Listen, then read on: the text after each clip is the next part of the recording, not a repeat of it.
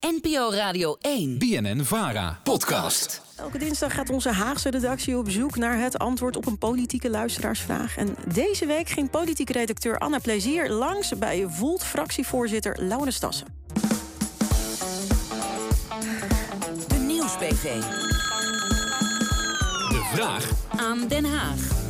We kregen een vraag aan Den Haag binnen over dit politieke voorstel. Deze 150 blauwe stoelen in de Tweede Kamer, dat moeten er 250 worden. Volgens Mirjam Bikker van de ChristenUnie en Laurens Dassen van Volt. Nederland verdient een parlement wat sterk is en daadkrachtig. En daar hoort dus ook een vergroting bij naar 250 We Kamerleden. hebben een relatief klein parlement. Als je kijkt naar eh, de Europese verhoudingen. Het gaat ons er natuurlijk allermeest om dat juist de Tweede Kamer versterkt wordt. En luisteraar Gerard Slop vraagt zich af of als we naar 250 Kamerleden gaan... we dan niet veel meer partijen krijgen. We hebben er namelijk al zoveel. Er zitten te veel politieke partijen in de Tweede Kamer. Ik denk wel dat de wildgroei van, van eh, partijen echt een probleem aan het worden is. We starten in 2021 na de verkiezingen met 17 fracties. Inmiddels zijn dat door een aantal afsplitsingen een recordaantal van 21. Het is echt een beetje een chaos. Ja, want als er meer kamerzetels zijn, dan gaat de kiesdrempel omlaag. Dat wil zeggen dat je minder stemmen nodig hebt om een zetel binnen te slepen. Kortom, wordt het geen chaos met heel veel kleine partijtjes... in plaats van dat de huidige partijen versterkt worden? Nou, goede vraag van Gerard. Dus ik ging de wandelganger van Volt in om antwoord te vinden. En lijsttrekker Laurens Dassen denkt dat die tsunami aan partijen... bij een vergroting van het parlement wel meevalt. Oké, ik sta hier bij Laurens Dassen, want eh, het is een initiatiefnota van Volt en de ChristenUnie om van 150 Kamerleden naar 250 Kamerleden te gaan. Waarom willen jullie überhaupt naar 250 Kamerleden? Nou, we hebben nu 150 Kamerleden en dat is tot stand gekomen in de jaren 50. En sindsdien eh, zijn we van 10 miljoen inwoners naar 17 miljoen inwoners gegaan. Is de wetgeving veel complexer en internationaler geworden?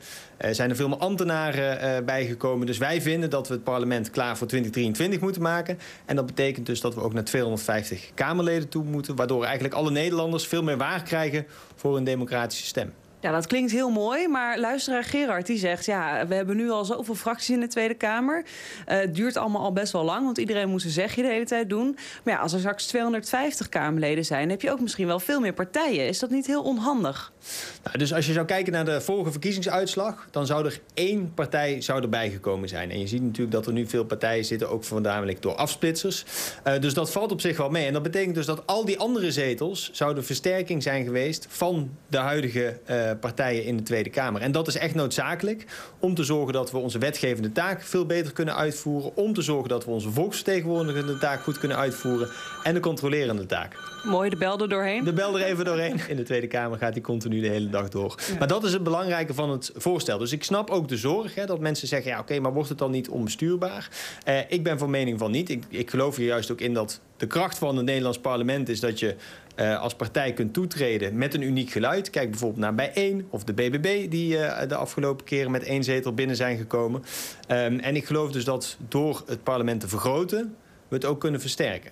Heeft u concreet dingen waarvan u zegt... Hier, loop, ja, hier loopt de Tweede Kamer misschien nu tegenaan... omdat het 150 Kamerleden zijn? Kunt u misschien een voorbeeld noemen van nou, afgelopen jaren... waarvan u zegt, nou, dat vind ik nou echt een voorbeeld... waardoor ik denk, ja, we kunnen niet zo door?